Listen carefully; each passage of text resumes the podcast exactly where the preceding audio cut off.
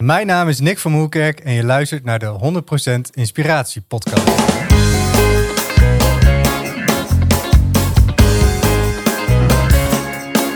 Hey, wat goed dat je luistert. Hij staat weer voor je klaar. Je wekelijkse dosis inspiratie is weer daar. De allerleukste gasten geven al hun kennis prijs. Met je veel te blije host, hij praat je bij. Zijn naam is Thijs. Thijs,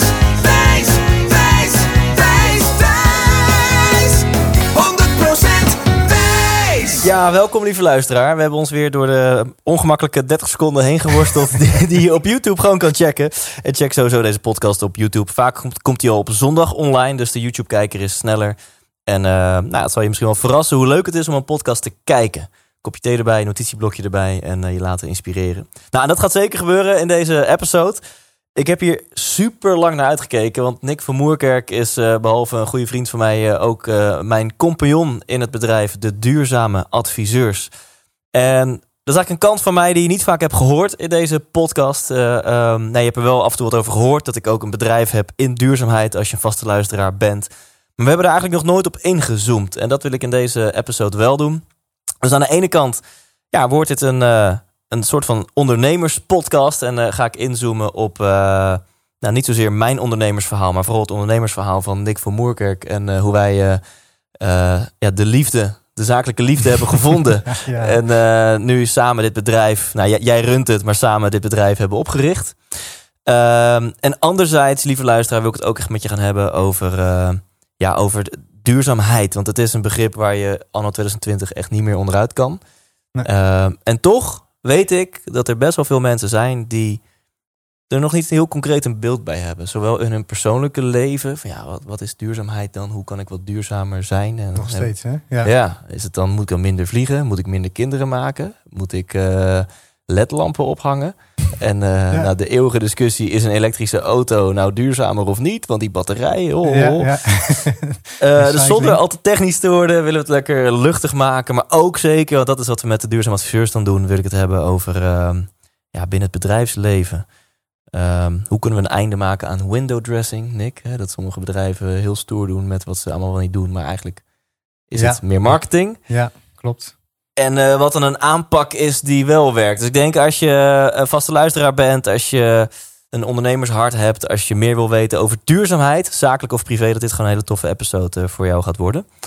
Ehm, ben je er klaar voor, Nick? Yes, zeker. Top. Ja. Nou, laten we beginnen. 100% Thijs. En eh, de eerste vraag ken je natuurlijk als, eh, als vaste luisteraar. Yes, ja, zeker. Eh, Ja. wat Ja, wil je ja. worden als je later groot bent? Ja, ik heb er net heel even over na mogen denken, maar eigenlijk niet, niet heel veel meer dacht ik dan eh, wat ik nu ben. En dat klinkt een beetje eh, gek misschien, niet ambitieus, maar eh dat is het wel. Ja. En wat is dat wie je nu bent? Ja, dat is een goede vraag. Ik, ik, ik ben een, een gelukkige man, vader, vriend. Wat ben ik nog meer? Succesvol ondernemer, denk ik, in mijn Ja. ogen. Dus, en, en daarin en gewoon gelukkig. En ik denk de mensen die dit op YouTube kijken zien dat je ook sporter bent. Ja, ja, ja, ja, ja en daardoor. Hè, dus denk, om dat te kunnen zijn, moet je gewoon eh, lichamelijk en fysiek eh, fit zijn. En dat, eh, daar zorg ik elke dag voor bijna. Met, Ja, met, dat vind ik toch interessant om het over te vragen. Hoe zie jij, gewoon voor jou persoonlijk, ehm, de, de link tussen fysiek fit zijn en mentaal fit zijn? Nou, ik, ik ben vader van twee kinderen. Dus meestal rond zes uur op. En dan begint de dag. Eh, nee, eh, ik ben ondernemer, dus ik heb een bedrijf hier met eh, zo'n twintig man te runnen. En om dat te kunnen doen, moet je, moet je lichaam daar wel toe in staat zijn. Om ook, ook gewoon eh, mentaal eh, dat, dat aan te kunnen, iedere dag weer. Eh, een bedrijf runnen is, is gewoon eh, best wel hard werken. Ehm, maar ook, ook eh, je wil ook gewoon vader zijn. Dus ik wil, ik wil daar tijd voor, voor maken. En niet eh, aan het einde van de dag op zijn. En niet meer eh, eh, aan, aan, aan de eettafel en, en na het eten nog eh, gezellig en leuk met mijn kinderen kunnen spelen. Ja. En daarna ook nog eens een man zijn. Voor Ja. mijn vrouw zijn als de kinderen op bed Ja. liggen. Dus om dat alles te kunnen doen, wil ik gewoon elke dag fit zijn. En daar train ik gewoon hard voor. Ja, en merk je dan echt verschil met twee jaar geleden? Want ik weet dat jij toen in zo'n moment zat van ja, shit, ik heb vroeger veel gesport, maar ik ben er nu gewoon een tijdje uit. En je wilde, je had Ja. echt voor jezelf een keuze gemaakt. Ik wil fitter worden. Nou ja, hoe jij er nu uitziet versus twee jaar geleden is niet normaal. Nee, Eh, merk je echt verschil? Ja, ja, inderdaad. Ik, ik, ik, ik, ik sportte vroeger wel veel, en maar eh, op een gegeven moment dan krijg je kinderen en dan kom je een beetje in, in een negatieve spiraal, zeg ik altijd. Je, krijg, je hebt weinig slaap en daardoor ga je eh, ja, makkelijk eten, veel eten, waardoor je nog moeier wordt eigenlijk, waardoor je geen zin hebt om te sporten. En eigenlijk eh, ja, beland je dan in een visueuze cirkel eigenlijk naar beneden. Ehm, en, en die moest ik doorbreken op een gegeven moment. En volgens mij was dat, toen gingen wij samen weer een keer, een keer sporten bij de sportschool de hoek, waar we net ook weer geweest zijn. En van dat moment gewoon besloten van um, ja, gewoon aanpakken en, en, doorgaan, gezond eten. Ja, en, dit is een wereld van verschil hoe je, hoe je de dag uh, begint en afsluit daardoor. Ja. ja, dus je moest die negatieve spiraal doorbreken. Weet je bij jezelf hoe je dat hebt gedaan? Wat was er voor jou nodig om die knop om te zetten? Nou, bij mij is wel altijd alles, alles of niets. Ja. Dus ook in dit geval uh, van totaal niet sporten naar gewoon weer volle bak sporten. En elke dag eigenlijk wel. En um, ja, dat is bij mij dan gewoon een knop omzetten en gaan. Ja. En dat is ook met het ondernemen zo. Als je er dan voor gaat, zo ben ik ook begonnen. Altijd met die mindset van dit is jouw kans, pak hem en ga er met, uh, met, alle, uh, met, met 300% voor. En dat, dat, doe ik nu ook met, uh, met, met sport. Er is ook een aantal gewoon focusgebieden waar je er gewoon absoluut voor wil zijn. Ja, zeg ja, en toch om die knop om te zetten moet je misschien een bepaalde pijn voelen. Toch even om de luisteraar te inspireren. Want ik weet dat nu heel veel mensen luisteren en, en dat dit resoneert. Van, oh ja, ja ik, ben, ik heb zelf ook een druk leven, om welke reden dan ook. Ik zou eigenlijk ook meer willen sporten. Oh, ik geloof er heilig in. Fysiek fit, mentaal fit. Was het toch bij jou een bepaalde pijn die geraakt werd? Dat je dacht, ja, maar nu dan kan ik een veel succesvollere ondernemer zijn. Of een veel betere papa. Of een veel liefdevollere man. Ja, ja zeker. Ja. ja, op een gegeven moment dan merk je gewoon dat je aan alle kanten dan een beetje tekort komt. Ja. Dus je loopt aan, alle kanten. Uh, ja, je bent net niet uh, uh, energiek genoeg meer de hele dag door. Waardoor je ja, net alles mist. En dat merkte ik um, steeds meer. Dat werd steeds erger eigenlijk. En, en, en, en je baalt ook gewoon van jezelf. Je kijkt in de spiegel en je denkt van, nou, dat heeft er ook wel eens beter uitgezien allemaal. Dus uh, ja, op een gegeven moment dan uh, is, is de pijn te groot. En, dan, dan ga je er gewoon voor, Ja. denk ik. Ja. Ja, dat is natuurlijk ook een van de voordelen als ondernemer zijn. Ik het is nu woensdag, het is nu een uurtje of elf. En uh, ja, afgelopen twee uur hebben we gesport en uh, lekker rustig aangedaan en even uitgebreid uh, laat ontbeten en zo. Ja. Die, die, die vrijheid, die, die heb je dan. En het, ik wil iets noemen wat ik in mijn boek ook noem. Ik noem ja mijn boek indirect. Wist je dat? Oh, oké. Okay. Dan heb ik het over een, vriend van mij. Die heeft druk gezinsleven, twee kids. En ik weet niet of jullie dat nog steeds doen. Maar dat, dat je een periode had dat je in het spitsuur s'avonds had je een, een nanny, geloof ik. Een oppas voor de kids. Die ja? dan dus ervoor zorgt dat er wordt gekookt, de tafel wordt gedekt. En als jullie de kids naar bed brengen, dat het huis weer netjes wordt uh, opgeruimd en de vaatwas wordt ingeruimd. Ja, dat hebben we super... twee dagen in de week. Ja, ja, ja dat ja. is nog steeds. Nou, dat vind ik super inspirerend. Dat je in dat spitsuur, waarin je normaal gesproken, jij hebt stress, je, je, je partner heeft stress. En oh, druk keuken, uh, koken en de keuken is een troep. En dan daarna nog heb je die kids naar bed gebracht en dan moet je nog alles opruimen. En in dat spitsuur heb jij nog een twee keer per week, 100%, kun je de verbinding met je vrouw, met je kids aangaan. En word je ontzorgd. En dat, dat is wel natuurlijk een luxe. Ja, ja, daar hebben we twee dagen in de week van, van acht tot zes is die er dan. Ja. En dan uh, inderdaad wordt alles uit handen genomen. Dat is wel heel fijn. Dus ja. waar andere mensen het naar de kinderdagverblijf brengen of opvang of uh, hoe dat ook heet, uh, hebben wij gewoon iemand thuis. Ja. En dat is eigenlijk niet eens zo heel veel duurder. Alleen ja, je moet net even de weg weten hoe dat ja. dan werkt. En, en ook misschien wel de juiste mindset hebben waar iedereen ze maar gewoon daar naartoe brengt. Kun je ook denken, hoe kan je het anders invullen? Ja. En zodat het beter bij je eigen leefstijl past. Ja. Nou, top. Dat past perfect bij deze podcast. En het linkje, vrede dat ik dat vraag, is, is dat voor jou ook een van de redenen om nou, inmiddels een kleine tien jaar geleden, denk ik, uh, ondernemer te worden? Dat je meer vrijheid wilde, dat je meer je leven uh, wilde indelen ja, zoals het voor jou ideaal is? Nee, eigenlijk was dat helemaal niet de reden voor mij. Uh, ik wil altijd heel hard werken. Dat vind ik gewoon lekker en leuk. Ja. En ik, ik haal er ook heel veel plezier uit. En dat deed ik toen eigenlijk ook al. Alleen ik werkte uh, toen voor een, een, baas. En altijd heeft het in mij gezeten dat ik gewoon heel graag ondernemer wilde zijn en worden. En dat, dat um, ja, die gelegenheid die, die deed zich eigenlijk nooit voor. Of tenminste, ja, ik, ik leefde gewoon mijn leven. De keuzes werden een soort van voor me gemaakt en dat ging allemaal prima. Ik werkte hard, ik had een leuke baan. Kreeg gelijk een leaseauto toen ik klaar was met, met school en alles. En, uh, dus eigenlijk, de keuzes werden, werden voor je gemaakt. En maar ja, altijd wel die, die, die, die drive gehad om een keer voor jezelf te beginnen. Uh, maar het moment kwam niet totdat ik een keer een, een auto-ongeluk uh, gehad heb. Dat weet je ook nog wel. Ja. Tenminste, dat, dat- toen kende ik jou nog niet, maar ik heb jou dat later wel eens verteld. Eh, best wel ernstig auto-ongeluk gehad. Eh, ik heb er eh, zelf wat- niks aan overgehouden, maar een paar keer over de kop geslagen. En ehm, ehm, ja, toch wel naar het ziekenhuis geweest en zo. En de auto was echt helemaal totaal los. En, en, en niemand snapte nog iets van mij. Ik had er echt, echt eigenlijk een klein met een schrammetje, eh, een schrammetje na had ik eigenlijk niks aan overgehouden. Maar wel echt het besef van, ja, het kan ook maar zo voorbij zijn. Echt eh, in een heartbeat, eh, zoals Tony Robbins dan ook zegt. En, en dat, dat was ook echt zo. Dat besef kwam toen ook. En toen heb ik ook echt besloten van, je moet echt zelf je keuzes gaan maken in, in je leven. En dat heb ik op dat moment ook gedaan. Toen ben ik, ben ik dus, eh, heb ik mijn baan opgezegd en, eh, en, en voor mezelf begonnen. eh, volgens mij twee maanden later of zo. Zo, en, en ja, nu ga je veel te snel. Zeker voor die luisteraar die, die zichzelf hierin herkent. Van wow, ja, ik zou ook wel die stap willen maken. Twee maanden later, dus het begint natuurlijk bij een moment van inzicht. Ehm, wa- wa- wa- wat is er... Ik bedoel, je kan niet zomaar voor jezelf beginnen. Je, je hebt lasten, je hebt je verplichtingen, Ja, financieel gezien. Eh, dus kan je iets meer in detail vertellen hoe dat bij jou is gegaan? ik, ik had ook lasten, absoluut. Ik had toen nog geen kinderen. Eh, eh, ik ben toen eh, weer terug verhuisd eigenlijk. Ik ben bij mijn vriendin in huis gaan wonen. Oh, dus ja. de lasten zoveel mogelijk naar beneden gebracht ook. Ehm, maar ik heb gewoon een weg gevonden eigenlijk. Ja, weet je, als, je, als je iets heel graag wil en je hebt het, je hebt het idee van dit, dit moet gewoon gebeuren, dan, dan vind je wel een weg. Ja. Eh, ik, ik, eh, ik, ik heb, ben naar de bank gegaan eh, met, mijn, met mijn businessplan. En daar heb ik wat geld geleend. Dus dan kon ik een autootje kopen. En dus ik kon do- door het land heen crossen. En ik moet eerlijk zeggen, die, die, die eerste twee jaar wa- was gewoon kei en keihard werken en gewoon overleven eigenlijk. Het Ja. was echt niet zo dat gelijk alle opdrachten aankwamen waar je nee, tegendeel. Het was gewoon heel hard werken, creatief zijn, eh, dingen verzinnen die dan weer allemaal mislukken. Ja. Ja, ja, het is met vallen en opstaan. Ik heb ook geen ondernemen gestudeerd of zo, Nee. zoals eigenlijk niemand. Dus eh, ja, het is, het is gewoon ontdekken en doen. Maar je weet diep in jezelf dat je het heel graag wil. En, en je gaat gewoon maar door. Was- Het is gewoon geen moment in mij geweest eh, eh, dat ik dacht van ik moet hiermee stoppen of zo. Ja. Is altijd gewoon eh, echt wel sowieso het besef geweest van eh, deze kans krijg je maar één keer. Dus ga er gewoon voor.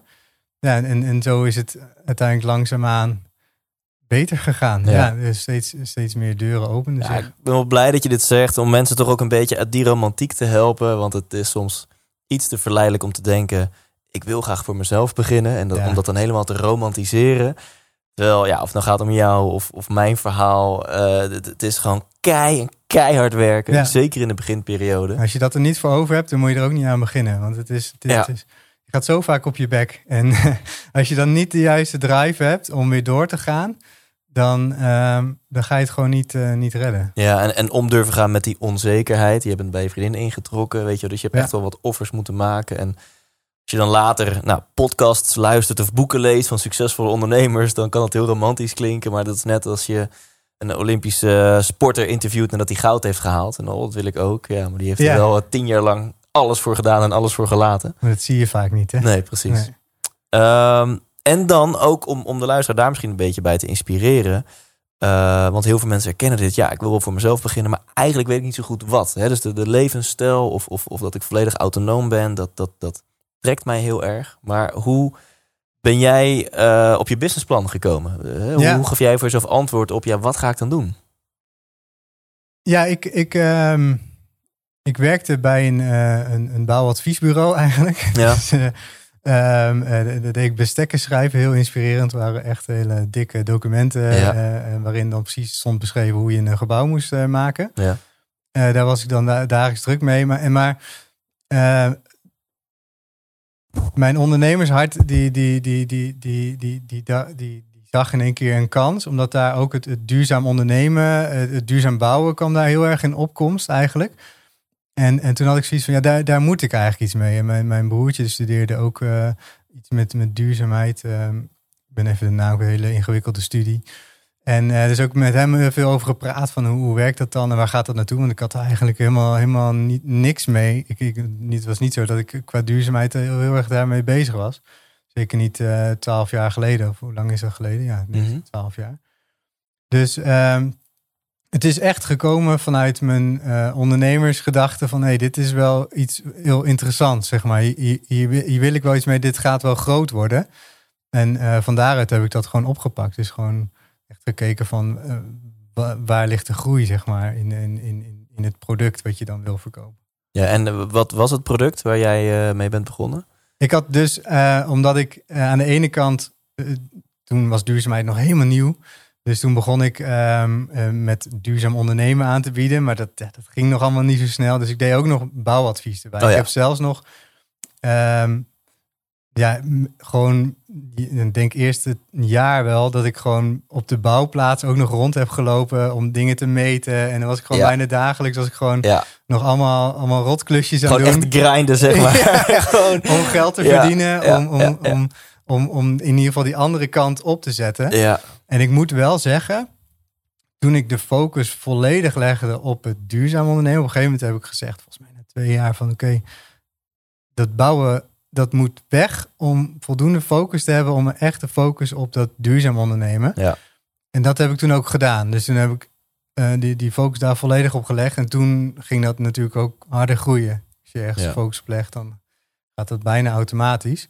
En, en dat, uh, dat heb ik ook gedaan na twee jaar. Ja, en wat maakt het dat jou zo uh, aantrok, zeg maar, om, om je te gaan richten op duurzaamheid, om bedrijven te helpen met duurzaam ondernemen? Ja, ik denk tweeledig. Aan de ene kant, um, omdat je, je gaat je erin verdiepen en, en, en, je ontdekt wat het dan echt inhoudt en wat het betekent voor, voor bedrijven. En dan zie je dat het ze gewoon ontzettend veel op kan leveren. Dus ik werd er zelf heel erg enthousiast van. Ik dacht echt van ja, maar waarom doet niet iedereen dit gewoon? Weet je, het is eigenlijk zonde dat je dit niet doet als bedrijf zijnde. Uh, dus de, de, vooral inhoudelijk uh, die, die kant. Ik dacht van nou, dit is een enorme kans. En, en, en je merkte toen al wel en alles dat dat, dat dat wel ging leven, zeg maar. Ook, ook eh, bij, bij de overheid en, en, en, bij bedrijven. Van we moeten daar wel wat mee. Het is logisch dat we deze stap gaan maken. Dat was toen al. Uh, en aan de andere kant dus ook, ook gewoon het enorme potentieel wat je daar zag als, als ondernemer zijnde. Want er waren eigenlijk nou, er was, waren helemaal niet echt veel bedrijven mee bezig. Ook geen adviesbureaus of wat dan ook. Het was echt nog helemaal nieuw. Ja, en nou, voordat ik verder wil met, met, met deze story en ook onze love story, want dit speelt denk ik nu ongeveer af in 2010 ongeveer. En wij hebben elkaar eind 2012 ontmoet. Uh, maar voor de luisteraar, je hebt het nu over, oké, duurzaamheid brengt bedrijven veel. Ja, kunnen we dat wat concreter maken? Wat, wat is dat dan? En wat is het verschil tussen bedrijf A, wat totaal niet duurzaam bezig is, en bedrijf B, wat in jouw ogen wel heel duurzaam bezig is? Ja, um, ik heb er heel lang over, over na kunnen denken ook. ben er al best wel een tijd mee bezig natuurlijk. En eigenlijk is het in mijn ogen niet meer dan gewoon normaal doen. Dat klinkt heel raar, maar um, als iedereen nou eens gewoon normaal zou doen, dan zou er eigenlijk ook niet zoveel aan de hand zijn. Als we niet meer uit de aarde zouden nemen dan dat we zouden kunnen nemen, dan zou er niks aan de hand zijn. Dat is heel normaal eigenlijk, hè? dat je niet meer pakt dan dat je zou kunnen pakken eigenlijk. Hè? Maar, maar dat doen we nu wel. Ja. Op hele grote schaal. Veel meer zelfs. De 2,5, 3 keer de aarde verbruiken we op dit moment dan wat we zouden kunnen gebruiken eigenlijk. Dus we halen meer weg dan zou kunnen. Um, als we in onze keten eerlijke lonen zouden betalen, mensen normaal zouden behandelen, zou er niks aan de hand zijn. Als we uh, allemaal uh, in goede auto's zouden rijden, uh, elektrische auto's, hè, dat is natuurlijk wat nu allemaal op gang komt. Maar als we dat allemaal zouden doen en we zouden dat normaal vinden, dan is er ook niks aan de hand. En zo zou je dat eigenlijk overal op kunnen projecteren. En dat zou ieder bedrijf ook voor zichzelf al gewoon kunnen doen. Gewoon eens kijken van wat ik doe, is dat wel zo normaal? Kunnen we daar wel mee doorgaan? Ik denk dat dat eigenlijk de essentie is van een bedrijf wat nu heel erg succesvol is. Um, nou moet ik zeggen dat bedrijven die zich nu heel erg succesvol profileren op het gebied van duurzaamheid, die doen ook niet zo heel veel anders dan de meeste bedrijven. Het lijkt allemaal alsof ze heel veel doen. Um, maar wat, wat ze vooral doen is, ze hebben inzicht in, in, in, misschien ga ik nu te snel hoor, maar ze hebben uh, heel veel inzicht in wat ze doen, ja. de impact die ze maken.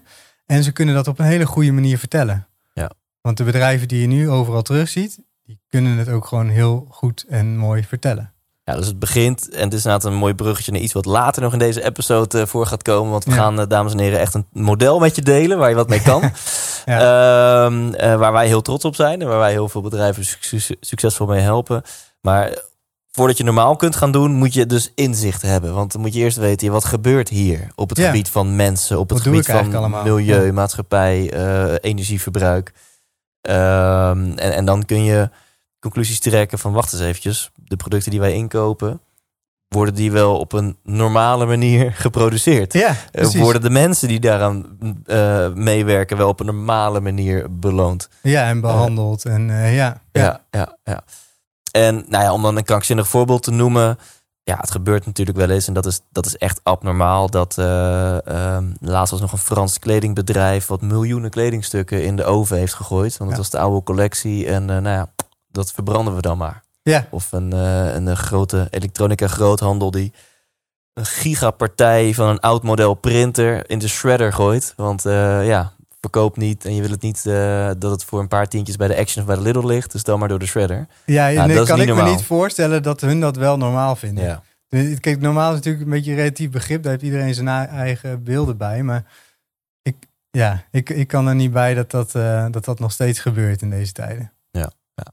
Lekker, laten we gewoon normaal doen. Ja, toch? Ja. en dit, dit gaan, niet zo we, ingewikkeld. dit gaan we Ja. concreter maken. Ja. Ja. en, en toen ehm heette je bedrijf toen ook al MVO Consultants? Ehm, het, het begon, ja, dat, dat was wel. eh, eh, het begon met eh, VMGC. Oh ja, Van tuurlijk. Moerkerk Green Consultancy, zo heet mijn holding nog steeds. Maar Ja. Ja, dat was eh, eh, mijn eerste naam. Toen had ik er niet zo over nagedacht dat het ook handig is als, als mensen snappen waar iets voor staat. Dat werd altijd verkeerd eh, uit- uitgesproken en zo. Dus dat heb ik snel veranderd in, in, in MVO Consultants. Maatschappelijk verantwoord ondernemen staat MVO voor. Ja. Dat was al wat meer duidelijk, zeg maar. Dus ja, dat is, dat is denk ik na twee jaar zo geweest ook. En toen ergens eind 2012, toen was ik net begonnen als, als ondernemer. En ik, eh, ja, mensen die deze podcast vast luisteren, die, die weten wel dat ik toen geïnspireerd door eh, eigenlijk online marketing guru Ilko de Boer, ging ik toen heel veel gratis seminars geven. En eigenlijk mijn eerste gratis seminar, volgens mij, daar was jij al bij aanwezig. Ja. Ergens eind 2012. Stond je in de toen, krant eh, met je Oh, lange God. lokken. Ja, ik- ik hoop dat je hier niet over ging beginnen. Als mensen in de diepe krochten van mijn Facebook kijken, dan vinden ze volgens Ja, mij nog wel eh, eh? zo'n foto met mijn Hans Klok-achtige haar en eh, eenmalige aanbieding. Niveau 3 in één dag. Ja, en toen ehm, ja, kreeg ik ook achteraf eh, een e-mailtje van jou. hey, ik doe ongeveer hetzelfde en laten we een keer een drankje doen. Ja. En eh, toen stonden we allebei bij een andere van der Valk. In Amersfoort, ja. in ja. Amersfoort of in Leusden. Dat Stonden, waren er twee in ieder geval, Ja. ja. En ehm, ja, daar is eigenlijk onze, onze samenwerking eh, begonnen.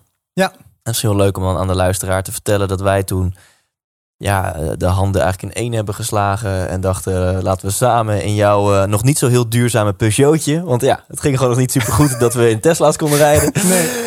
Zijn we het land doorgecrossed als een soort van twee broers op een missie. En overal gratis informatieavonden geven. Ja, flipovertje mee en gaan. flip ja. over in de achterbak. En dan hopen dat, ja, dat mensen enthousiast waren om bij ons ook consultancyproducten af te nemen. Ja, ja, ja, dus gewoon heel veel kennis delen. En Daar staan we nu nog steeds eh, natuurlijk heel erg voor.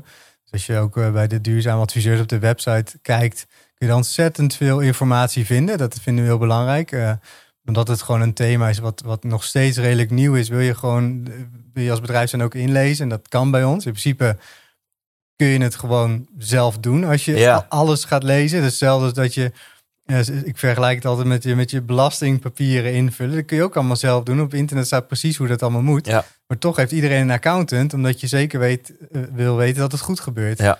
En dat is een beetje hoe wij dat ook doen. En er zijn bedrijven die heel, heel graag gebruik maken van die kennis en het dan ook zelf doen. En maar ook heel veel die zeggen van nou, eh, kom het alsjeblieft voor ons doen. En zo zijn wij gegroeid eigenlijk. Als, Ja, en eh, daar ben ik best trots op dat wij echt vanaf het begin gewoon fearless, gewoon angstloos zijn in het delen van kennis. Want Ja. ik heb best vaak de vraag gekregen van andere ondernemers van ja, maar als ik mijn kennis deel in een eh, seminar of een webinar, dan, ja, dan gaan mensen het zelf doen. En ik denk ten eerste, nou ja, als jij in twee uur tijd al jouw kennis kan delen, dan kan je vraagtekens zetten bij jouw expertstatus. Als in twee uur Ja. tijd al jouw kennis ja. op is. ja, Uh, m- maar inderdaad, ehm één, het past bij je missie. Want je wil uiteindelijk, behalve geld verdienen, wil je impact maken. En de Ja. mensen die dan van jouw gratis kennis gebruik maken en daar hun voordeel mee doen, dat is fantastisch. Daarbij Ja. een missie. En twee, hier kan ik elk ondernemer mee geruststellen. Er, er bestaat haast niet zoiets als te veel informatie delen. Nee. Het, het komt weinig voor dat klanten zeggen: Oh, maar ik heb nu zoveel gratis content. Ik ga het wel zelf doen. Nee, nee, nee. Eh, Mensen uiteindelijk- willen toch dat je, dat je, zijn er niet de hele dag mee bezig. En ook die bedrijven die, die hebben gewoon graag dat iemand komt die, dat, die niks anders doet de hele dag. En die dat gewoon goed doet. En ehm, nee, ik, ik denk juist dat hoe meer je deelt, des te meer succes je ook hebt. In, in, in, in, in, in het vak waar wij zitten in ieder geval. Ja. Waar ik soms, ik, ik heb wel e-books geschreven, waar ik gewoon echt alles gewoon uitlegde, hoe het moet, stap voor stap. En dan was, ik- dacht ik in het begin, ook, moet ik dit allemaal wel delen? Het is echt gewoon, zijn al mijn geheimen, zeg maar. Maar juist dan is het een succes en zijn mensen er enthousiast over en komt er juist nog meer voor terug. Ja, wat denk ik wel leuk is om te delen. Een van de producten waar wij toen een beetje mee zijn gaan cowboyen. En we hebben het dus nu over ongeveer 2013, eh, lieve mensen. Is een soort van do-it-yourself eh, product. En eh, dat eigenlijk een consultancy traject waar normaal gesproken 6 à 7000 euro voor stond. Als je daarvoor eh, een consultant of ons echt in zou huren om dat voor jou te kunnen doen. Daar hadden we dan eh, ja, een soort van do-it-yourself product van gemaakt. Met 36 instructievideo's. Ja, Met allemaal standaard templates. Met een seminar van een dag wat je erbij kreeg. Waarin je door alle templates en door, door alle stappen heen wordt geloodst. En dat was echt maar de helft of een derde van het bedrag wat je anders kwijt was. En toen dachten we ook van ja, we hebben nu echt... Geven we nou serieus ons handboek weg? Al onze concurrenten verklaren ons voor gek, weet Ja. je wel? Of, of haten ons, omdat Ja. we gewoon voor een paar duizend euro... gewoon die kennis in video's, in handboeken, in templates... compleet op straat leggen.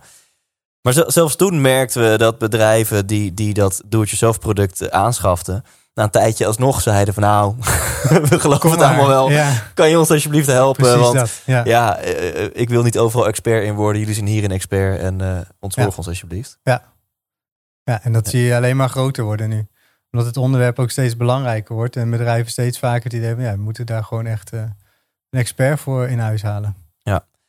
En ehm, ja, uiteindelijk kunnen we denk ik wel een stapje naar voren maken voordat we eh, het nog ook inhoudelijk gaan hebben over duurzaamheid en MVO en, eh, en CO2 en zo. Dat lijkt me ook tof om dat nog even te doen in deze podcast. Maar hebben wij, ja, hoe lang geleden besloten om, om eigenlijk de, de zaken samen te voegen? Ehm, ik denk dat dat, eh, want 1 januari 2019 zijn we daadwerkelijk gefuseerd. Daarvoor hebben we nog een jaar lang eh, Proef gedraaid? Ja. proef gedraaid. Want ja, ehm, omdat wij elkaar dus al acht jaar lang kenden. waar, kijk, toen jij iemand aannam, d- dan moest je een contract maken. En toen ik iemand aannam, toen vroeg ik aan jou van, heb je dat contract? Dan kan ik die ook gebruiken, zeg Ja, maar. Dus ja. eigenlijk onze, onze business, wij hadden twee, los, twee business los van elkaar. Eh, jij de CO2-adviseurs, ik MVO-consultant. Maar het was achter de schermen zo gelijk aan elkaar... dat Ja. het best wel makkelijk samen te voegen was. Want alle mensen die voor ons werkten, die kenden elkaar ook al. En op een gegeven moment... ehm, ehm, toen, heb ik, eh, toen heb jij eigenlijk gevraagd van... Nick, wil jij ook eh, bij mij eh, ehm, eh, de, de scepter gaan zwaaien, zeg maar? en... dat heb ik toen ook gedaan. We hebben toen eerst gezegd van nou laten we het gewoon proberen. Hè? Kijken hoe dat gaat. Ik, wil- ik wil aan jou laten zien hoe ik dat doe en, en of dat de manier is. En eh, dus toen ben ik ook met mijn team verhuisd hier naar Amersfoort, waar we nu zitten. ehm, naar het kantoor. En hebben een anderhalf jaar of zo, of een jaar eh, proef gedraaid ook eigenlijk. Ja. En dat, dat ging, eh, ging, ging, ging best lekker, al zeg ik het zelf. En ehm, toen eigenlijk vol ingezet op, op, een, op een fusie. Want ja, het, het leek allemaal zo op elkaar. Het was eigenlijk alleen maar ingewikkeld om, om het los van elkaar te houden. En toen zijn we die, die gesprekken aangegaan. Ja, volgens mij was het zomer 2017 dat ik met mijn team, we vierden het vijfjarig bestaan van mijn bedrijf, de CO2-adviseurs. En jij was toen nog gewoon een eh nou, goede vriend van mij en een, iemand waar we gewoon veel mee samenwerkten. Ja, Ik zat er vol doorheen, een burn-out, liefdesverdriet, die Ja. lag er helemaal af. En toen zei ik tegen mijn team van, ja jongens, jullie eh, weten dat eh, dit is maar tijdelijk, dat, dat ik jullie leidinggevende ben. En nou, ik, ik heb wel een vervanger in gedachten en misschien wil ik met eh, Nick van Moerkerk eh, gaan samenwerken. ja Nou, de tranen sprongen in hun ogen van geluk. gelukkig. Ja. En eh, dat was dus zomer 2017. En toen hebben we inderdaad, eh, zijn we eigenlijk bijna per direct gaan proefdraaien. Ik had Ja. een team van tien mensen. Jij had ongeveer een team van vijf mensen. En we dachten, nou ja, laten we dat maar officieus wel een beetje samenvoegen en proefdraaien. En eigenlijk een jaar later, in de zomer van 2018, zaten wij lekker bij een eh, zwembad. Om een soort van eh stra strategiedag sessie te hebben. En toen dachten we, ja, het gaat nu al zo goed een jaar. Zullen we gewoon eh, vanaf 1 januari 2019 zeggen van... eh, we voegen de boel samen, het wordt één bedrijf. Ja, We voegen de teams samen. Ze houden toch nog iets tegen allemaal. Hè? Als je dan kijkt wat je allemaal nog aan documenten en dingen moet gaan regelen. En dan hebben we bijna alles uitbesteed. Maar Ja. je moet over een hoop dingen dan alsnog nadenken. Ja. de Ja. moeite waard. En dat is nu, eh, ja, dat is alweer bijna twee jaar geleden. Dat is wel bizar. Ja. Dat die fusie echt officieel rond is. En toen hebben we eigenlijk ook in dat zwembad, en daar wil ik het over, over hebben, eh, ehm, met de luisteraar, met jou. we hebben eigenlijk een, een model ontwikkeld. Ja. En wat gewoon geniaal is. eigenlijk. Ja, want Want- we- we- ja, wij zaten toen een beetje te brainstormen van, ja, we doen dit nu eh, acht jaar toen. En ehm, ja, hoe vinden we eigenlijk dat het gaat? En, en hoe vinden we dat we de, de toekomst eh, in moeten zetten? Daar ging het eigenlijk om, hè? En, en toen kwamen we daar eh, op dat model. Ja, we dachten ook vooral waar we het in het begin van het interview over hadden. Van, hoe kunnen we duurzaamheid nou concreet maken? Hoe, het is zo'n wollig begrip. En je ziet, weet ik veel, Rexona op busjes deo zetten. 30% minder verpakking, dus duurzaam of zo. Weet je. Ja, Hoe, hoe kunnen we nou in een, een heel simpel model duurzaamheid super concreet maken? Of je nou een kruideniertje om de hoek bent. Of je bent, nou ja, inmiddels sommige van onze klanten hebben duizenden medewerkers. Ja. Je, je bent een gigantisch eh, bedrijf of een overheidsinstelling. En, en ehm, ja, toen kwamen we wel op een, eh, op een tof model. Ja, wa- waar wij een beetje tegenaan liepen ook, ehm, is dat wij bij sommige bedrijven al wel, eh, wel zes, zeven jaar het advies deden. En dan ieder jaar daar weer kwamen en dan maken we een rapportje en daar staat dan in van, nou, dit is jullie uitstootbewijs van. En dit en dit gaan jullie de komende jaar doen. En dan kwam je daar weer en dan was de helft misschien gedaan of per ongeluk gedaan, omdat het eh, eh, financieel gezien eh, goed voor de uitpakte. Maar eigenlijk was er niet echt veel actie in de tent, zeg maar. Het, het, er lag een actieplannetje. En wij voerden dan keurig in hoe dat allemaal, dat, dat ze weer door de audit kwamen, dat het allemaal goed ge- afgevinkt werd. Ehm, maar er gebeurde eigenlijk te weinig. En dat, dat vonden we eigenlijk zonde. Want die bedrijven hebben wel gezegd, van, nou, we willen wel met duurzaamheid aan de slag. Of het nou moet of niet. Ja. Maar er miste iets. En daar, toen zijn we gaan brainstormen van hoe kunnen we dat nou concreet gaan maken. Ja, wij, wij stopten bloed, zweet en tranen in een rapport. Ja, Het besparingspotentieel in kaart brengen. Het laaghangend fruit, al zo'n modewoord in de consultancy. ja. en, eh, en dan kwamen we dat een jaar later terug. En dan, ja, jongens, wat fuck, is er niks meer gebeurd? Ja, maar als je, als je gewoon had uitgevoerd wat wij hier op papier hebben gezet, dan, dan had je nu gewoon echt bespaard. Hè? precies. Ja, want dat zagen we wel bij een aantal bedrijven. Dat het gewoon hartstikke succesvol kan zijn. Ja. En dat het heel veel kan opleveren voor bedrijven. Ja. En toen, eh, la- laat ik hem maar een voorzetje geven, dan mag jij hem inkoppen. Hebben we eigenlijk ook de, de eh, metafoor gebruikt van als je, wil, als je fitter wil worden. Eh, Ja. ehm, en dus la- laat ik die doen en dan kun jij de duurzame variant doen. Dat ja, als je fitter wil worden, dan is één inzicht is super belangrijk. Dat je weet van oké, hoeveel weeg ik dan nu? Hoeveel wil ik wegen? Wat is dan nu mijn vetpercentage? Welk vetpercentage wil ik bereiken? Eh, eh, hoe werkt mijn lichaam? Tegen welke voeding kan ik goed? Kan ik niet goed? Laat ik een plannetje maken met een personal trainer. Dus super, super waardevol. Maar je, je bent nog geen procent fitter door dit hele proces. En je Nee. kan de beste personal trainer van Nederland en podcast gaan luisteren en boeken gaan lezen. En het, beste schema met, weet ik veel, eh, My Perfect Body Plan of zoiets. Maar er gebeurt nog niks. Nee. Ja, en vervolgens is, is de, een hele grote component wat, wat, waar eigenlijk alle magie gebeurt. En wat iedereen eh, over het algemeen heel lastig vindt, is je moet er ook wat voor gaan doen. Je moet ook in actie komen. Dat is ook binnen de persoonlijke ontwikkeling een, een, een groot ding dat heel vaak mensen nou, luisteren naar deze podcast. En misschien ben jij daar schuldig aan. En dan hoop ik je nu ja, liefdevol een schop onder je kont te geven, beste luisteraar. Als jij merkt dat je alleen maar inspiratie aan het consumeren bent, een boek aan het lezen bent, maar je verandert eigenlijk niks in je leven, ja, dan heb je echt die schop onder je reet nodig. Want Ja. inspiratie zonder actie is, is niks, is eh, gebakken lucht. Dus je moet in actie komen. Dat, dat, dat is de component waarbij wij ook bij onze klanten merkten van ja, dat, daar is nog heel veel gebrek aan. Ehm, en dan is eigenlijk de derde component, dat, dat is misschien wel het antwoord op het feit of je wel of niet in actie komt, is een stukje motivatie. Je moet ook wel willen.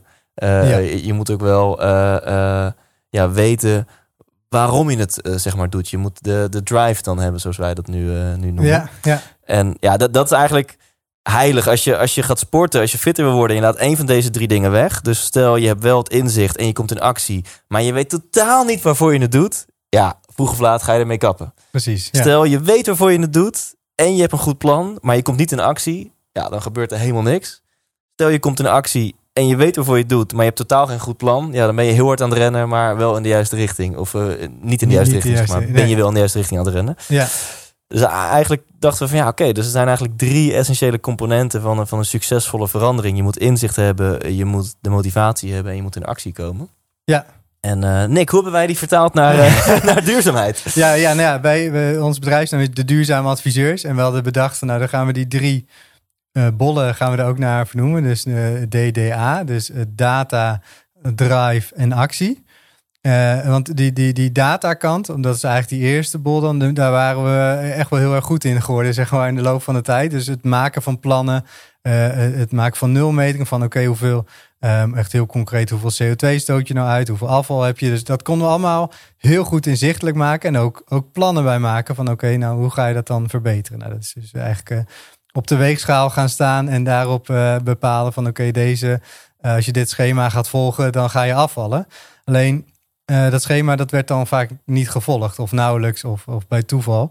Ja. Ehm, Ja, en even voor de luisteraar die misschien in zijn functie iets te maken heeft met duurzaamheid en nu echt op het puntje van zijn stoel zit van oh ja, ik wil hiermee aan de slag. ja, Maakt niet uit of het bedrijf of de organisatie, overheidsinstelling, whatever waar je nu werkt, hoe goed jullie al bezig zijn. Maar als je je duurzaamheidsplan naar next level wil tillen, begint het met die nulmeting. Je Precies. moet wel eerst weten op people, planet, profit niveau, CO2, energie, mens, eh, gezondheid. Wat is nu de, de huidige stand, zeg maar? Want zijn we, natuurlijk, ieder bedrijf die is wel bezig met duurzaamheid. Iedereen die, die, die of, of je nou zonnepanelen op je dak hebt, of een goed HR-beleid, of, of een goed actief bezig bent met een duurzaam inkoopbeleid, kan van alles zijn, hè? heel klein tot groot. Maar vaak is het allemaal eh, losstaand. Dus de HR-manager is ermee bezig. En het zijn allemaal losstaande initiatieven. En dat moet ook samengebracht worden in een plan.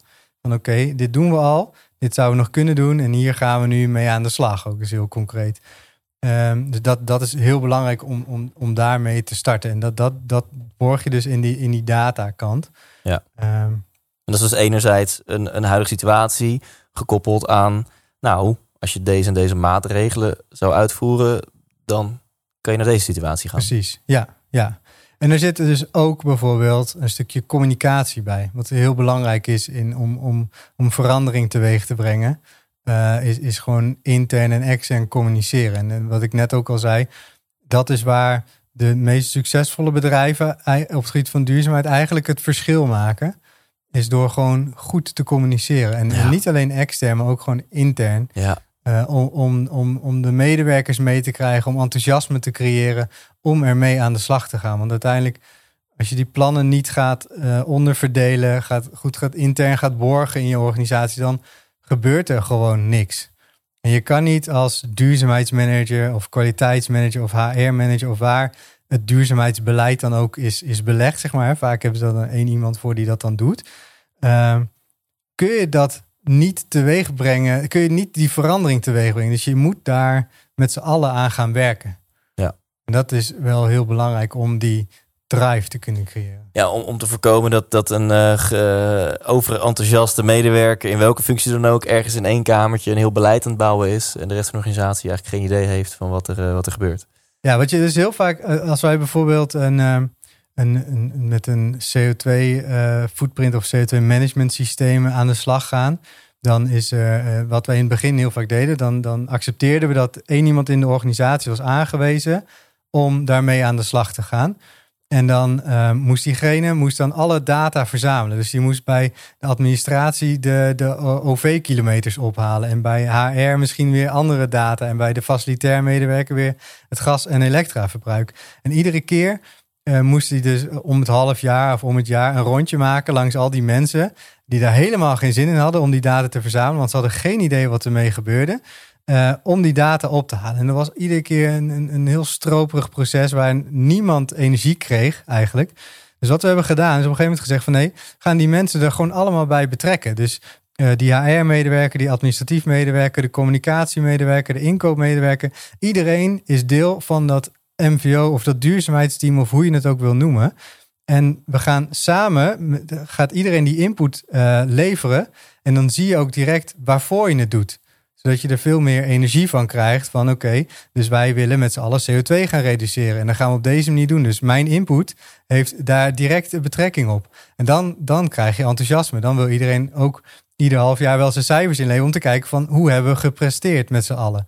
En uh, dat enthousiasme, dat, uh, dat teamgevoel, dat, dat is heel belangrijk om te creëren in een, in, in een bedrijf. Ja, en, en, dan maak je eigenlijk al de sprong van die, die eerste pijler inzicht, data, naar die tweede pijler drive. Er moet ook motivatie zijn. Precies, ja. ja.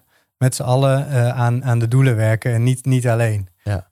En, en hoe zorg je ervoor dat, dit zijn dan de, de, de, de kern mensen in, in het duurzame traject. Hè? Dus je moet van de hoofdinkoop heb je informatie nodig. En van de HR-medewerker en de faciliteitsmedewerker en de wagenparkbeheerder en et cetera.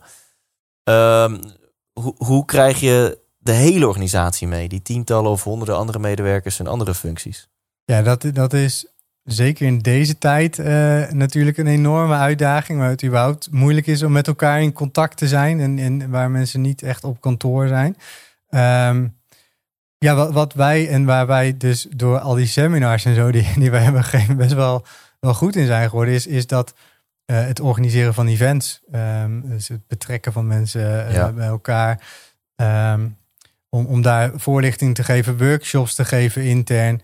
Dat zijn de dingen waar wij echt het verschil in maken. En, en wat we nu dus heel veel doen, is in deze studio, die wordt niet alleen door, door, door jou gebruikt, maar ook door ons, ja. om bedrijven uh, te enthousiasmeren. Dus dan geven we hier workshops en dan presenteren we hier op, in, in een dynamische sfeer, proberen we dan uh, uh, bedrijven ook te motiveren om ermee aan de slag ja. te gaan. Ja, vandaar zie je hier een mooie groene backdrop. Ja, Weet je, het duurzame, duurzame tintje hier. Ja, ja. En um, wat je ook uh, wat veel bedrijven onderschatten is hoe groot het gedrag, hoe groot de rol van het gedrag van je medewerkers is in het behalen van je duurzaamheidsdoelstellingen. Ja. Kijk, je dak vol hangen met uh, zonnepanelen, dat kan buiten de medewerkers om. Maar, uh, en dat hangt natuurlijk heel erg af van type organisatie. Maar het gedrag van de medewerkers op kantoor, met de klimaatinstallatie, met de, de verlichting, in hun leaseauto's of bij bouwbedrijven met het, het materieel en de, de, de shovels en de asfaltmachines en of in Ja. een werkplaats of in een fabriek. Gewoon het gedrag van de medewerkers is zo bepalend voor eh, het wel of niet 100%. slagen van je duurzaamheidsbeleid. Dus vaak, ja, daarom hebben we natuurlijk die tweede poot drive in het leven geroepen van ja, dit, dit mag gewoon geen ondergeschoven kindje zijn. Anders is het Nee. een heel mooi rapport, maar gaat er niks mee gebeuren. Absoluut. Ja, ja. En de derde, De actie. Ja, ja, ja die, die, die vullen op dit moment echt op, op meerdere manieren in. Ik, ik kan wel, en ik weet niet eens of jij ervan op de hoogte bent, maar we hebben nu zelfs een, een, een, een, een, een ware eh, game waar we bedrijven mee kunnen, eh, die bedrijven kunnen inzetten, zeg maar. Ehm, met, met quiz en alles om ook, ja, het is eigenlijk ook een stukje drive, maar er zit ook wel, wel actie in om, om, Ja. om bedrijven ehm, in actie te laten komen. Ehm, en, en, en soms huren bedrijven ons in om, om echt eh, met dat plan in actie te komen. Hè. Dat, is- dat is eh, een manier. Maar je ziet toch, ehm, het, het, bedrijven hebben een, een stok achter de deur nodig. Om, om daadwerkelijk ook eh, dat, dat, dat, dat plan vast te pakken en ermee aan de slag te gaan. Dus Ja. wat we veel doen is dat we of per kwartaal of iedere maand bij zo'n bedrijf langs gaan. Om dan daadwerkelijk tot actie over te gaan. En, die, actie, en, en die, die maatregelen ook daadwerkelijk door te voeren. Want dat, dat, dat mist gewoon vaak. Ja. ja, het is bizar hoe daar, en eh, daar zou je vanuit een psychologisch oogpunt ook je analyses op los kunnen laten, dat er misschien altijd angst achter zit. Dus waarbij je in je persoonlijke leven ook vaak merkt dat het schort aan actie. Wat het ook is wat je wil veranderen, zie je ook vaak bij bedrijven. Van, oh ja, oké, we hebben dat plan, we hebben de duurzame adviseurs ingeschakeld. Oh, mooi plan. Een multidisciplinaire kick-off meeting gehad. En iedereen heeft zijn steentje bijgedragen. We, Ja. hebben, we hebben zelfs een paar workshops gegeven. We hebben Nick of Thijs ingevlogen om daar nog een stukje inspiratie in toe te voegen. Maar uiteindelijk, ja jongens, er ligt nu ook gewoon een plan met eh, maatregel A, B, C. In het wagenpark, in je energieverbruik, Ja. in je inkoop, in je, je samenwerking, in gezondheid met medewerkers en sportschool stimuleren. Weet ik veel, alles binnen de, de, de paraplu People Planet Profit. En ja, dat plan moet uitgevoerd gaan worden. Iemand Ja. moet offertes gaan aanvragen. Iemand moet eh, Ja, dingen gaan communiceren. Ja. Iemand moet besluiten nemen. Iemand moet, gewoon- bepaalde procedures aan gaan passen in het bedrijf. En dat, dat is na dat, hoe dichter je bij, ja, nu, nu moeten we echt in actie gaan komen, komt, hoe spannender het vaak wordt. Dus dan zijn wij dan die liefdevolle schop onder een reet elke maand of elk kwartaal van hey boys. Ja, ja dat, dat is wel ehm, waar het verschil wordt gemaakt. Zeker. Anders kom je na een jaar weer terug en dan is er eh, niks gedaan. Ja. Ja. Niet veel. Ja. En eh, ja, we gaan, we gaan zo bijna afronden. We hebben ook nog een toffe bonus eh, voor de luisteraar klaarstaan. Echt een, een duurzaam pretpakket. Een duurzaam pretpakket. duurzaam pretpakket. Ja, ja, ja, ja. Maar voordat is een cliffhangertje. Want jij wou erover beginnen, geloof ik. Of niet? Over, over het pretpakket. Ja. Ja, ja, ja. Ja, maar dat mag dus nog niet. Nee, nee dat is, dat, dat is- maar het is zo goed dat jij enthousiast bent. Nee, ik wil hem toch nog even afronden, maar ook het weer even over ondernemen te hebben. Ehm, ja, ik weet dat een gedeelte van mijn luisteraar is ondernemer. Je hebt natuurlijk binnen de paraplu ondernemen heb je eh, heel veel eh eenpitters, eh, freelancers, ZZP'ers of mensen die met een paar, met een virtueel teampje iets doen. Nou, jij hebt nu twintig mensen onder je reet, om het maar gewoon eh, stoer te zeggen.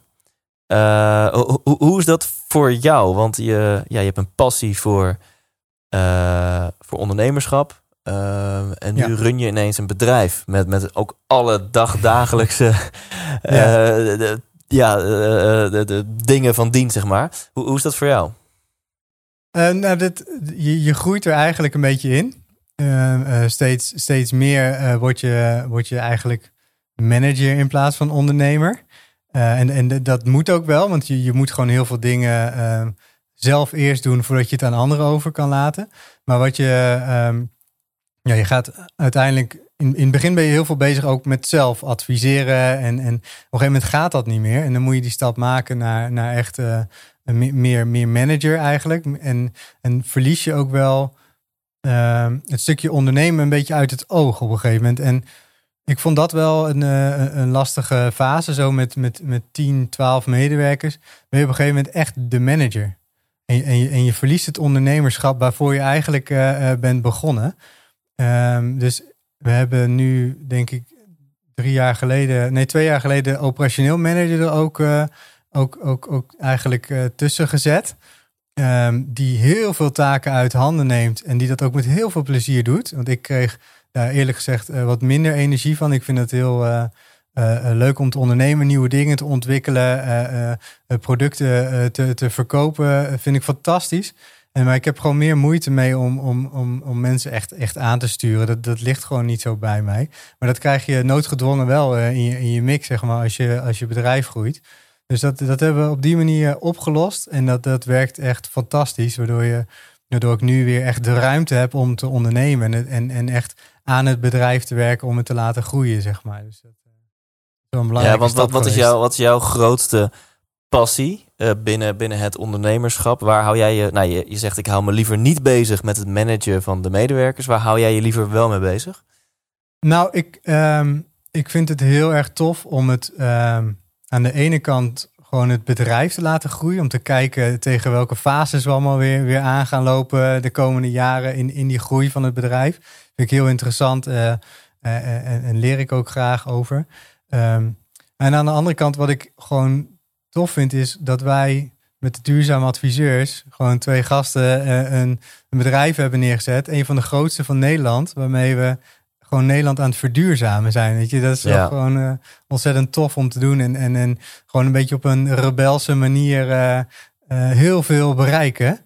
En, en, en daar, ja, daar krijg je enorm veel plezier van. Ja. En, en, en wat ik zeg, als je dan dat een beetje uit het oog verliest door, door echt meer de manager te worden, dan mis je ook een beetje de, de, de, de fun in het hele, hele Ja. verhaal. Ja. En die, die is nu weer terug. En dan merk je ook gewoon dat je weer veel nieuwe projecten oppakt. En dat, dat de groei ook weer, weer, weer groter Ja. is daardoor. Ja, dat zonder al te veel veren in elkaars reet te steken. Maar dat is inderdaad heel tof. En zeker ook in een wereld waar wij in zitten. Want voor de luisteraar die nu misschien nog denkt van... ja, maar wat doen jullie nou precies? We zijn eigenlijk gewoon los van dit mooie model wat we hebben gedeeld... en onze mooie missie... die we gewoon elke dag mogen uitvoeren met ons team van 20 man en vrouw... eh, eh, zou je ons platgeslagen een consultancybureau kunnen noemen. Ja, Wel ja. een consultancybureau wat vernieuwend is... wat superveel kennis deelt met eh, events, met webinars, met seminars... en met online blogs en, en artikelen en zo... Ehm, maar in die wereld van consultancy, een bedrijf soms met 10 man, soms met 100 man, soms met 5000 man, wat naar ons toe komt en zegt: Wij willen aan de slag met maatschappelijk verantwoord ondernemen. Wij willen eh, ehm, onze CO2-footprint berekenen. Wij willen eh, energiemanagement. Nou, whatever, iets binnen het paraplu van duurzaamheid. Wij gaan dan gewoon voor hun aan de slag. Maar in die wereld ja, is er best wel wat vergrijzing eh, eh, eh, gaande. De, de meeste duurzame consultants zijn al wel wat, ja, wat ouder en wat, wat, wat minder fris. En nou, in ons team, ik denk dat de gemiddelde leeftijd 30 is. En dat past Ja. ook bij dit onderwerp natuurlijk. Want duurzaamheid gaat over de toekomst en gaat over vernieuwen en innoveren. Ik, ik, ik merk vooral dat, dat anderen, om het zo maar even te noemen, het heel moeilijk willen maken vaak. Ja. Waar wij het gewoon praktisch houden, willen anderen het vaak heel moeilijk maken. En dat maakt het, het denk ik, het grote verschil dat wij eh, ehm, zo hard groeien ten opzichte van, eh, van de rest. Is dat, dat wij gewoon echt op een pragmatische manier, gewoon heel praktisch meedenken met bedrijven, maar ook onze eigen bedrijfsvoering hebben ingezet. Waardoor ja, we gewoon op een hele leuke manier ehm, bedrijven kunnen helpen. Ja. Zo zeggen, ja. Ja, om het dan voor de luisteraar die misschien beroepsmatig niks met duurzaamheid heeft, maar het iets heel praktisch te maken. Ehm, stel je bent nieuwsgierig naar wat is nou mijn directe impact op de wereld als het gaat om CO2-uitstoot. Dan hebben we het even over de directe impact die jij hebt als persoon qua CO2-uitstoot. Dan kunnen, we dat, kunnen we dat heel complex maken met Ja. CO2-berekeningstools en alles. Maar eigenlijk is het super eenvoudig als je voor jezelf drie dingen op een rijtje zet jouw brandstofverbruik, oftewel gewoon met jouw auto, hè, dus diesel, gas of benzine. Ho- hoeveel verbruik je op, eh, op jaarbasis eh, met, met, jou, eh, met jouw auto? Mhm. Hoeveel verbruik je op jaarbasis aan elektriciteit? Mogelijk ook met je auto en anders met je huis. Hoeveel verbruik je op jaarbasis aan gas? Als je die drie op een rijtje zet en dat omrekent naar CO2, Dan ben je al. ja, Dan heb je al een, een, een heel mooi inzicht van jouw persoonlijke leventje. Eh, ja, hoeveel CO2 stoot jij persoonlijk uit? En dan zonder al te nerd te worden, dit is jouw directe impact. Je indirecte impact met wat je koopt in de supermarkt en met je eh, vliegreizen en met dat soort dingen. En hoe jouw auto is gefabriceerd, dat is weer een ander verhaal. Ja. Maar je, je kunt eigenlijk met die drie componenten dat al heel concreet voor jezelf maken. kan het gelijk heel moeilijk maken, inderdaad. Maar dat is helemaal niet nodig. Cool. Dus, eh, Ehm, nou ja, als mensen nu enthousiast zijn, we, we hebben een pretpakket klaarstaan. We- Jij wilde er heel graag over vertellen, Nick. Dus wel, welk pretpakket Nou- op thijslindhout.nl slash duurzaam? Ja, wat we hebben gedaan is eigenlijk ehm, alle informatie die we hebben, nou niet alle, we hebben het wel wat gefilterd, maar heel veel informatie. eh, e-books, eh, webinars, eh, events die we hebben georganiseerd, die, die hebben we allemaal klaarstaan om, om, om te bekijken eigenlijk gewoon vrij en toegankelijk. Dus daar hebben we een bibliotheek van gemaakt. En dat is gewoon vrij te bekijken. En kun je een aantal van, van de onderwerpen noemen die in die bibliotheek aan, aan, webinars worden behandeld? Ja, van, van echt heel technisch. eh, eh, normen, certificeringen op het gebied van duurzaamheid, op het gebied van managementsystemen. Maar ook gewoon, ehm, hoe schrijf ik nou een, een, een, een duurzaamheidsverslag? En ehm, hoe word ik nou een winnende duurzame organisatie? Daar heb ik ook een e-book over geschreven. eh, de vijf basisprincipes voor eh, winnende duurzame organisaties. Ja, gaat, er staat gewoon exact in beschreven hoe je dat kan doen. Wat, wat nou het verschil is tussen die bedrijven die wel heel veel succes hebben met duurzaamheid en de bedrijven die dat niet hebben. Want het verschil, wat ik al zei, is niet zo groot. En dat, dat leg ik bijvoorbeeld uit in zo'n e-book. Eh, en er zijn ook weer webinars over gegeven die ook weer toegankelijk zijn. Dus er staat van alles op. Ik word helemaal enthousiast. ja, Ja. Dus het, het is nog veel meer dan dit, maar het is in elk geval een e-book met eh, de, de vijf basisprincipes van winnende duurzame organisaties.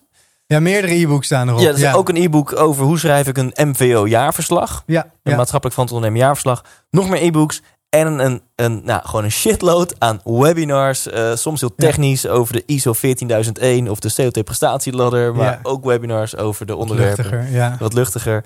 En eh, gewoon helemaal kosteloos. Eh, op Ja. thijslindhout.nl slash duurzaam. En ook dat model wat we hebben proberen toe te lichten in deze podcast.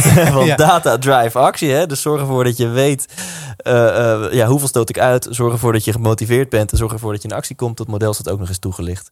In, de, in dat e-book ook, van die vijf in de duurzame. Je staat daarin. Ja, Ja, tof. En dit is gewoon gratis, toch? helemaal. Dit is gewoon helemaal gratis. Ja, Dus, dus check dat op thijslindhout.nl slash duurzaam. Ja, lieve Nick, eh, is er nog iets eh, aan het einde van deze aflevering wat je, wat je wilt delen met de wereld? wat ik nog wil delen. Een duurzame wijsheid.